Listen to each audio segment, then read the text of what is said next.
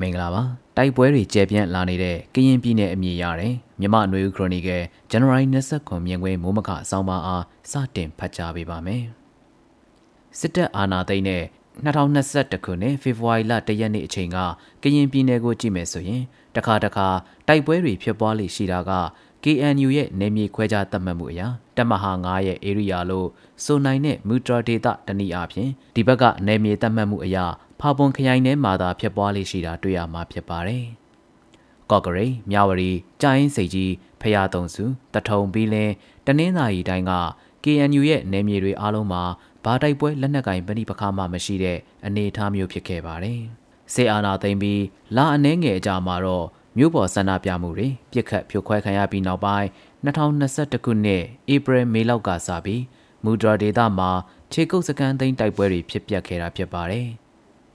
သို့ပေမဲ့အဲ့ဒီတပ်မဟာ9ဒေတာမှာတိုက်ပွဲကြီးတွေရှေ့ကျစွာဖြစ်ပွားတဲ့တိုက်ပွဲတွေဆက်လက်ဖြစ်ပွားတာမျိုးတော့မတွေ့ရပါဘူး။ KNU က NUG ကိုအဓိကကျတဲ့အခန်းကဏ္ဍကနေကူညီပေးတာ PDF အဖွဲ့တွေဖွဲ့စည်းကြတဲ့အခါစစ်တင်နန်းပေးတာတစုံတရာမျိုးပေါ်မှာနေလို့မရတဲ့သူတွေမရတဲ့အခြေအနေရောက်ကုန်တဲ့လူတွေအဖွဲ့အစည်းတွေကိုလက်ခံထားပေးပြီးအကာအကွယ်ပေးတာတွေကစစ်ကောင်စီအတွက် KNU ကိုမှတ်သားထားမဲ့အကျိတ်ခဲလို့မြင်ပုံရပါတယ်။ အဲဒီနောက် KNU အနေနဲ့အသစ်ဖွဲ့စည်းလိုက်တဲ့ NUG အစိုးရကို အကာအကွယ်ပေးထားတာ KNU လွတ်မြောက်နယ်မြေမှာနေထိုင်အခြေချဖို့ကူညီထားတာမှုရှိတာတွေမြို့ပေါ်မှာလှုပ်ရှားနေတဲ့မြို့ပြပျောက်ကြားတွေကိုစစ်တနန်းပေးတာတွေလက်နက်ရရှိဖို့ကူညီပေးတာတွေကြောင့်2021အကုန်မှာတော့စစ်ကောင်စီက KNU နဲ့စစ်ကောင်စီကြားကဂျားကန်နယ်မြေဖြစ်တဲ့၄ကီကိုမြို့တစ်ကိုဝင်ရောက်ရှာဖွေကလွှတ်တော်ကိုယ်စားလှယ်အပါအဝင်လူအချို့ကိုဖမ်းဆီးခဲ့တာဖြစ်ပါတယ်။ 2021ခုနှစ်ကုန်ကန်ဤစလိုက်တဲ့၄ကီကိုဝေါ်လီတဝိုက်ကတိုက်ပွဲတွေကလွယ်လွယ်နဲ့မချုံငိမ့်ပဲလနဲ့ချီပြီးတပြန်စီတိုက်ကြသိမ်းကြတဲ့တိုက်ပွဲတွေဖြစ်ပေါ်လာက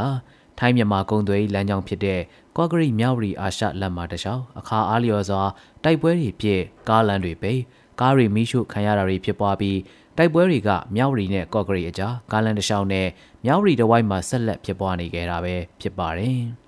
2021ခုနှစ်အကုန်နောက်ပိုင်းမှာတော့တိုက်ပွဲတွေကတထုံမြို့နယ်တဝိုက်ကြိုက်ထုံမြို့နယ်တွေကတိန်စရက်တို့မှာဖြစ်ပွားလာတာတွေတွေ့ရှိရပါတယ်။2022ခုနှစ်အလယ်ပိုင်းမှာတော့ကရင်ပြည်နယ်မှာ KNU အဖွဲ့နဲ့စစ်ကောင်စီတပ်တွေတိုက်တယ်ဆိုတာထက် DKBA ခွဲထွက်အဖွဲ့2021ခုနှစ်ထဲဒါဇင်နဲ့ချီတဲ့လမ်းလုံသားတရားဆောက်လုံသားတွေကိုတပ်ဖြတ်တယ်ဆိုတဲ့အချက်ကြောင့် KNU ကအရေးယူထားတယ်။ KNDO တပ်ရဲ့ဗိုလ်ချုပ်ဖြစ်သူ ဘုံနယ်သားများတို့ရဲ့ကော်တူးလေတပ်မတော်ပူးပေါင်းတပ်ဖွဲ့လို့ဆိုတဲ့ KNDO လက်အောက်ခံတပ်ရင်းနဲ့ PDF တွေအပါအဝင်စစ်ကြောင်းတွေကပါဝင်ကြတာဖြစ်ပါတယ်။ကော့ဂရိတ်မြို့ကိုသိမ်းဖို့ကြိုးစားခဲ့ကြတဲ့တိုက်ပွဲကလည်း2022ခုနှစ်တည်းဖြစ်ပွားခဲ့တာဖြစ်ပြီးအခုလပိုင်းမှာတော့ကြာရင်စိတ်ကြီးမြို့နယ်အနီးတစ်ဝိုက်ကစစ်ကောင်စီတပ်ရင်းအခြေစိုက်စခန်းတွေကိုတိုက်ခိုက်ခဲ့တာဖြစ်ပါတယ်။2022ခုနှစ်ထဲမှာအရင်တုန်းကပြင်းပြင်းထန်ထန်တိုက်ခိုက်ခဲ့ကြခုခံခဲ့ကြတဲ့ဒေသတွေဖြစ်တဲ့ ပဲခူးတိုင်းကြောက်ကြီးမုံစားတဲ့ဒေသတွေမှာလည်းပြင်းထန်တဲ့တိုက်ပွဲတွေဖြစ်ပွားလာခဲ့တာတွေ့ရပါတယ်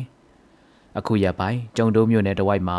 ကော်တူးလေတက် PDF ပူးပေါင်းတပ်တွေနဲ့ DKBA တပ်ဖွဲ့ဝင်တွေပါဝင်တဲ့ကရင်လက်နက်ကင်အပေါင်း PDF တွေနဲ့စစ်ကောင်စီတပ်တွေပြင်းပြင်းထန်ထန်တိုက်ပွဲတွေနေအိမ်မီးရှို့မှုတွေဖြစ်ပွားလာနေတာဖြစ်ပါတယ်။ကရင်ပြည်နယ်မှာအဓိကဗမာလက်နက်ကင်အဖွဲ့ဖြစ်တဲ့ KNU ရဲ့မူဝါဒတွေဥဆောင်မှုတွေကအနှဲငယ်နားလည်ရခက်ခဲနေခြင်း NUG နဲ့အကြားကပူးပေါင်းဆောင်ရွက်မှုတွေဘလောက်ထိနားလည်မှုရရှိထားကြလဲဆိုတာမေးခွန်းတွေထွက်ပေါ်လာနေခြင်းလက်နက်ကင်တစ်ဖွဲ့နှစ်ဖွဲ့မကအရေးအတွက်ရှိတဲ့ကရင်ပြည်နယ်အနေနဲ့လက်နက်ကင်တိုက်ပွဲတွေကပုံမူကျဲပြန့်လာစရာရှိနေတာလည်းဖြစ်ပါတော့တယ်ခင်ဗျာ။